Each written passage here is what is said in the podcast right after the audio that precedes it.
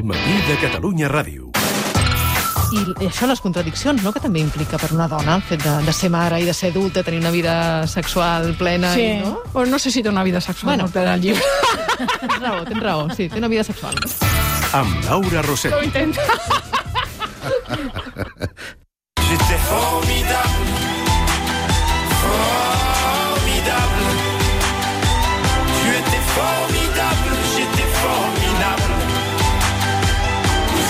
Formidables. Formidable. Tu étais formidable, j'étais formidable. Nous étions formidables. Oh, tu t'es regardé, tu te crois beau parce que tu t'es marié. Les 11 i pràcticament 8 minuts. Geni Roca, com estàs? Bon dia. Molt bon dia. Tot bé? Sí, sempre. Malgrat tot. Que bé. Quina alegria. doncs vinga, va, anem a dibuixar una mica més el perfil d'aquest eh, segle XXI. Avui quina pregunta hem de respondre? Uh, en aquest segle XXI que estem ja trepitjant, com serà això de tenir cura de les persones? Què voldrà dir Ai, tenir cura de les Això persones? tan important, eh? I amb qui respondrem la pregunta? Uh, amb una de les persones que millor ens ho pot explicar des de la seva perspectiva, avui ens acompanya Angie Rosales. Angie Rosales és actriu i fundadora de Pallapupes. És una organització sense ànim de lucre que vol ajudar els pacients i els seus familiars amb humor i teatre i millorar així el seu estat d'ànim. Es coordinen amb la direcció mèdica de cada hospital i poden intervenir tant a planta com a les UCIs o als quiròfans, ja siguin pediàtrics o no. Molt bon dia, Angie. Què tal? Molt bon dia. Quin pes per respondre aquesta pregunta. La, la podem anar responent per parts, si vols. Bé, això m'agrada més. Vinga, va, d'entrada, eh, explica'ns, eh, clar, a Pallapupes és, és tota una institució, no? És tot un referent. En què consisteix la feina d'un pallasso d'hospital? Ai, doncs eh, jo diria que introduir l'humor en un espai molt complex, on les emocions eh, estan a flor de pell, però massa amagades, no? I l'humor com a, com a conductor d'emocions positives, com a eh, revulsiu de, de, de malestar generalitzat, de la grisó, de, de... És un context que se't menja molt, no? El, el diagnòstic del metge té un pes tan gran i l'hospital, l'edifici en si, tot té tant de quan, pes. quan estàs a l'hospital trobes malament. No tens sentit de l'humor. No, per això és tan difícil, no? I és una contradicció en si mateixa, no? Com l'humor i, i la mort en el seu estat més, més límit, no? Poden conviure, això és... Sembla maleducat, no? I pretén riure tant en aquelles circumstàncies és com molt anti... el més incorrecte que puguis pretendre fer, no? Clar, però el pallasso és incorrecte. És a dir, el pallasso ha vingut a aquest món justament a posar-lo del revés, no? I a, i a, sí, i a- i a generar contradiccions, que és el que fem. Qui reacciona millor davant l'entrada d'un pallasso a un hospital, a una habitació? El malalt, l'acompanyant, el, el, el metge o la metgessa, la infermera? Ui, depèn moltíssim. T'he de dir que depèn moltíssim de la persona, del moment que està visquent. Eh, en moltes ocasions eh, és el malalt que diu vine, vine, vine, vine, i l'acompanyant no? que diu però com ha de venir? O, o a l'inrevés. Depèn moltíssim. Però t'he de dir que una de les sorpreses és que rebutgen molt poc el pallapupes, al contrari.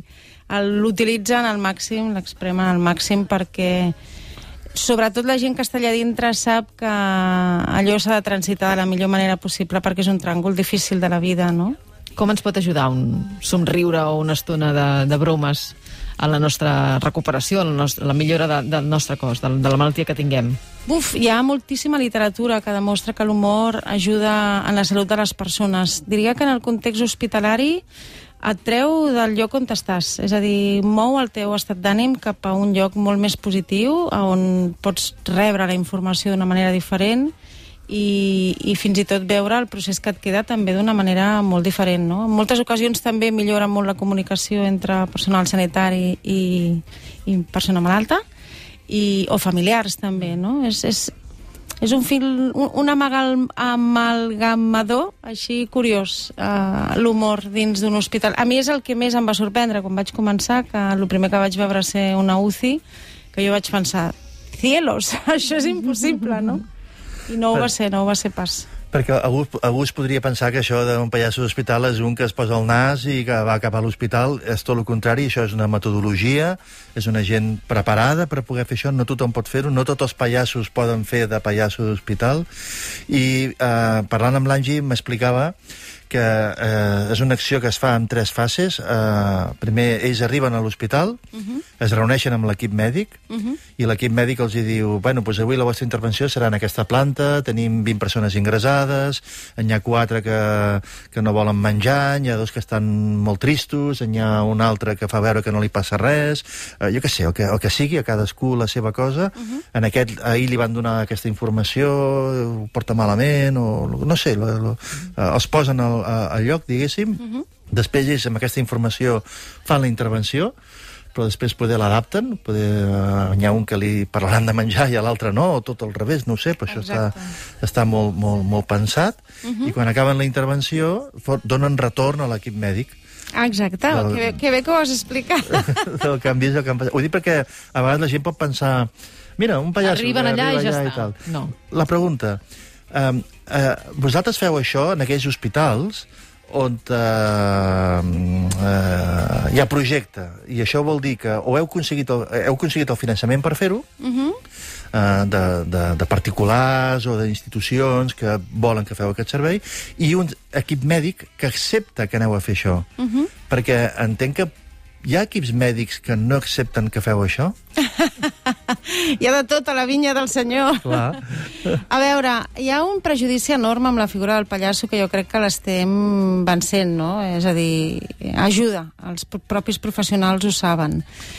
Hi ha, hi ha prejudici cultural amb l'humor, que fa l'humor en un context tan complicat, Tan dramàtic. no? Tan dramàtic. Llavors, és entre ells que es van explicant com estan sent les experiències i és entre ells que, que es van convencent, no? Hi ha equip, cada vegada hi ha menys equips que no acceptin a un pallasso d'hospital. De fet, a nosaltres no ens ha passat i estem a 14 centres, no? Perquè ells mateixos, de fet, la demanda ve sobretot dels usuaris i del personal sanitari. Sempre trobes alguna persona en algun equip que és escèptic o que no li agrada o que t'avisa i diu escolta'm, a mi no em feu riure o a mi no m'agafeu pel No passadís. m'incomodeu. No m'incomodeu? Sí.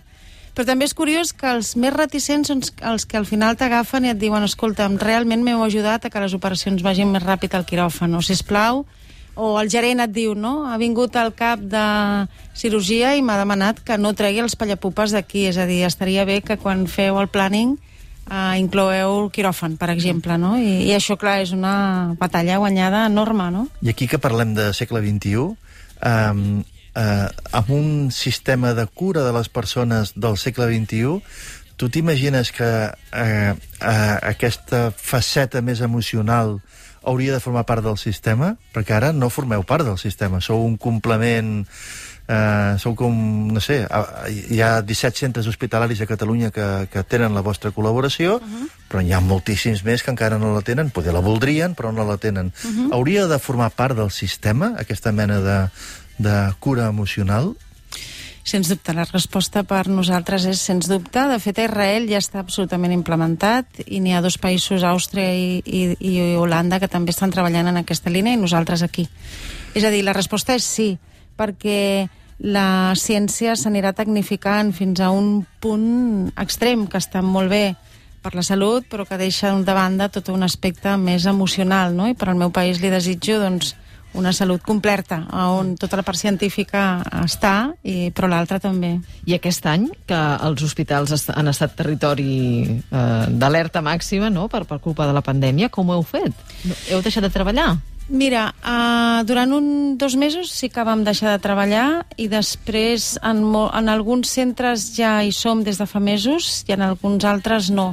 Depèn molt de l'equip d'epidemiòlegs, de, de, depèn molt del centre, no? Hi ha qui són més conservadors, hi ha qui entén aquesta feina no com un projecte satèl·lit, sinó troncal, i veuen clarament eh, la influència que té en els pacients i en el personal sanitari. Eh, ha estat dispar i el que es tracta justament és que no sigui dispar, sinó que qui vulgui pugui tenir els pallassos d'hospital d'una manera més estable. Has dit en els pacients i en el personal sanitari. Avui una de les notícies que teníem a l'informatiu era el nivell d'estrès tan alt i d'angoixa que tenen eh, els professionals de la sanitat, sobretot els infermers i les infermeres després de, de tot aquest any. S'ha fet una enquesta a milers de, de treballadors i el resultat és, és eh, terrorífic.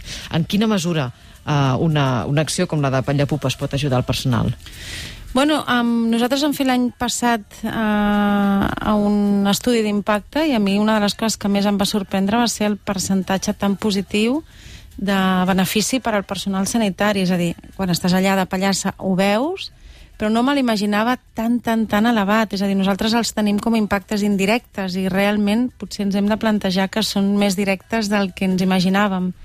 Pensa que nosaltres donem classe a la Universitat de, de Medicina de la UB i la majoria dels alumnes que entren a l'assignatura et diuen no? estem tècnicament molt ben formats però no tenim ni idea de com plantar-nos davant d'una persona.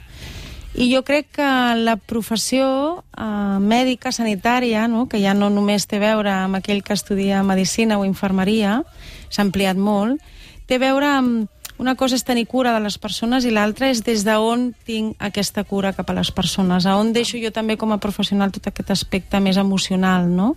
Per no anar-me'n amb el pacient i, i, i fondre'm amb ell i poder conservar el meu rol, no? Aquesta és una línia complexa, però que ells no s'han format, per tant és lògic que estiguin estressats, no saben com fer-ho, a part de tota la càrrega i el pes que han tingut, clar. Perquè, eh, i el, el pallasso, el pallasso i la pallassa, els professionals de Pallapupes, perquè això són tots professionals, això no és un tema... A vegades a la distància pot semblar que són voluntaris, perquè la gent té ganes d'ajudar, són professionals, estan formats, cobren el seu sou per fer aquesta feina. El professional que fa aquesta intervenció, que se'n va anar a veure, no sé, no vull posar exemples, però un nen que està amb una malaltia que poder és terminal, eh, la situació és duríssima, eh, eh, com sobreviuen ells, també, emocionalment? Nosaltres tenim suport psicològic integrat a, a l'ADN de Pallapupes, és a dir, tots els treballadors de Pallapupes tenen suport psicològic perquè conviure i sostenir la mort dels altres eh, és difícil, frustra molt, no? i justament tens el perill de, de, de passar-te d'aquesta línia no? i de, de fer-te teva aquella situació, sens dubte et deixa, et Tota- deixa en el cos una marca, això està claríssim. Tota eh? aquesta situació que hem viscut ara del Covid eh, ens ha enfrontat al dol eh, i hem vist com de malament gestionem el dol. Vull dir, hi ha gent que s'ha mort sola amb, amb, uh amb, amb una planta d'hospital sense, sense que els, la seva família, la gent que els estima, els pogués acompanyar. Um, es justifica així? Tot s'hi val per curar-te? O, o, o hi ha una manera de curar-te que, no, que, no, que poder no val... Bé, el pallasso justament està per això. Per mi, no, no, no, tot s'hi val. Evidentment que no. Per mi la ciència ha d'anar de la mà eh, de, de, de, de, lo que té l'humà, que són les emocions, no? En aquesta mena de robosàpiens del futur al que ens enfrontem, eh, el que ens diferencia d'ell és l'emoció, les emocions que sentim, no? Per mi no tot està justificat, en absolut. Per donar-li paràmetres a, a, a la cosa, Pallapupes eh, ateneu unes 65.000 persones cada any. Déu-n'hi-do. Déu-n'hi-do. és que quan ho sento... Sí, no? Ara la majoria ja adultes. Vam començar molt amb Exacte, infància. aquí anava. Al principi, al principi això s'associava molt a plantes pediàtriques, uh Mhm. -huh. però ara ja esteu fent una miqueta el que calgui, no? Mhm. Uh -huh. Entreu a, una planta, a, un, a, a un departament d'oncologia... Sí, sí. O a, i, I també m'explicàveu que eh, a planta ho, en, ho entenc, la gent està amb el seu box, amb la seva habitació, i vosaltres feu la vostra performance per allà i entreu i sortiu de les habitacions, eh, he perdut el no sé què, i aneu fent l'escena per allà dintre, però, eh, i ho explicaves, eh, també feu intervencions a quiròfan. Sí. Però si el, pues està dormit el, I el quiròfan. Però fins que queda dormit es passa molta por i molts nervis, eh? Aquells últims minuts, no? Aquell compte enrere. És a dir, des de que tu deixes a la teva família fins que et quedes adormit, passen moltes coses i són moments ah. de molt estrès. De fet, s'assimila l'estrès que viu una persona al quiròfan a l'estrès que vius en una guerra. O sigui, emocionalment és un cop molt estressant per a la persona. Igualment, si l'anestèsia és local, nosaltres quedarem durant tota la intervenció, justament perquè és local. Uh, escolta'm, ara que s'estan uh, fent les negociacions per formar govern i que s'haurà de triar un nou conseller, una nova consellera de, de Salut, uns nous equips uh, responsables del Departament de Salut, què els hi demanaries, tu? Oi, quina bona pregunta, m'encanta. Perquè potser estan, es- estan escoltant. aprofita, aprofita. Què li demanaria? Ser un estàndard en el sistema de salut, sens dubte. Gaza, com ho ha fet Israel i ho estan fent altres països. Ens ho mereixem com a país i no, no és el que jo li demanaria. El que li diria és escolta el que diuen els usuaris, els seus familiars uh -huh. i la gent dels hospitals, que és el que a nosaltres ens acompanya i ens avala. Que ho digui jo està bé, però... És a dir, ja si ho entès bé, eh? és a dir, que en un hospital, igual que tens personal d'infermeria, eh, també tinguis... Eh, Un eh, pallasso d'hospital. pallasso d'hospital eh, que, que, que Incorporat a la Com a plantilla. equip. incorporat a la com a equip plantilla de primera línia, i amb sí. les seves metodologies, igual que té una metodologia un, un, un, una infermera de UCI. Doncs vinga, Clar. la, la petició està feta. La petició està feta, que bé. Angie Rosales, moltíssimes gràcies. Gràcies a vosaltres. eh, acompanyat avui i haver-nos explicat uh, una mica millor què és i, i què significa la feina que feu el- els de Pallapupes. Moltes Molt bé, gràcies. gràcies. Genís, doncs fins la propera. Ens veiem. Anem, anem perfilant. Eh? Veiem, veiem què passa, no? Com que ens veiem cada 15 dies, eh, el canviant. país no para de sorprendre'ns, eh? El segle XXI canvia el molt, segle eh? XXI em sembla dinàmic. d'uns 15 dies per, per uns altres 15 dies, déu nhi Vinga, va, doncs uh, fem una pausa breu per la publicitat i mira, connecta el que farem després amb, eh, amb una de les uh, idees que ara ho apuntàveu, que és com gestionem el dol, com gestionem la mort, la pèrdua, uh, que no en sabem uh, pas gaire, i en Juanjo Saiz, que és un uh, dibuixant i que és col·laborador de, de l'Estat de Gràcia de, de Catalunya Ràdio, ha publicat un llibre que és, que és una autèntica meravella, que parla molt sobre això, no? com la, la pèrdua de persones estimades, de familiars directes, doncs a vegades ens descol·loca una mica i tot el cicle que hem de fer per, No sabem morir. Per, Aquest és un problema que hem d'afrontar ben aviat. No sabem morir. Doncs d'això va el llibre Para los míos que ha publicat en Juan José eh, amb qui parlarem d'aquí res. Res, bé, quan, Cesc? Res. Tres minuts. Això no, res. Vinga, ara tornem. Ses vees deixaven de riure i els dies s'ataven i els fars s'il·luminen ses gòndoles entre ses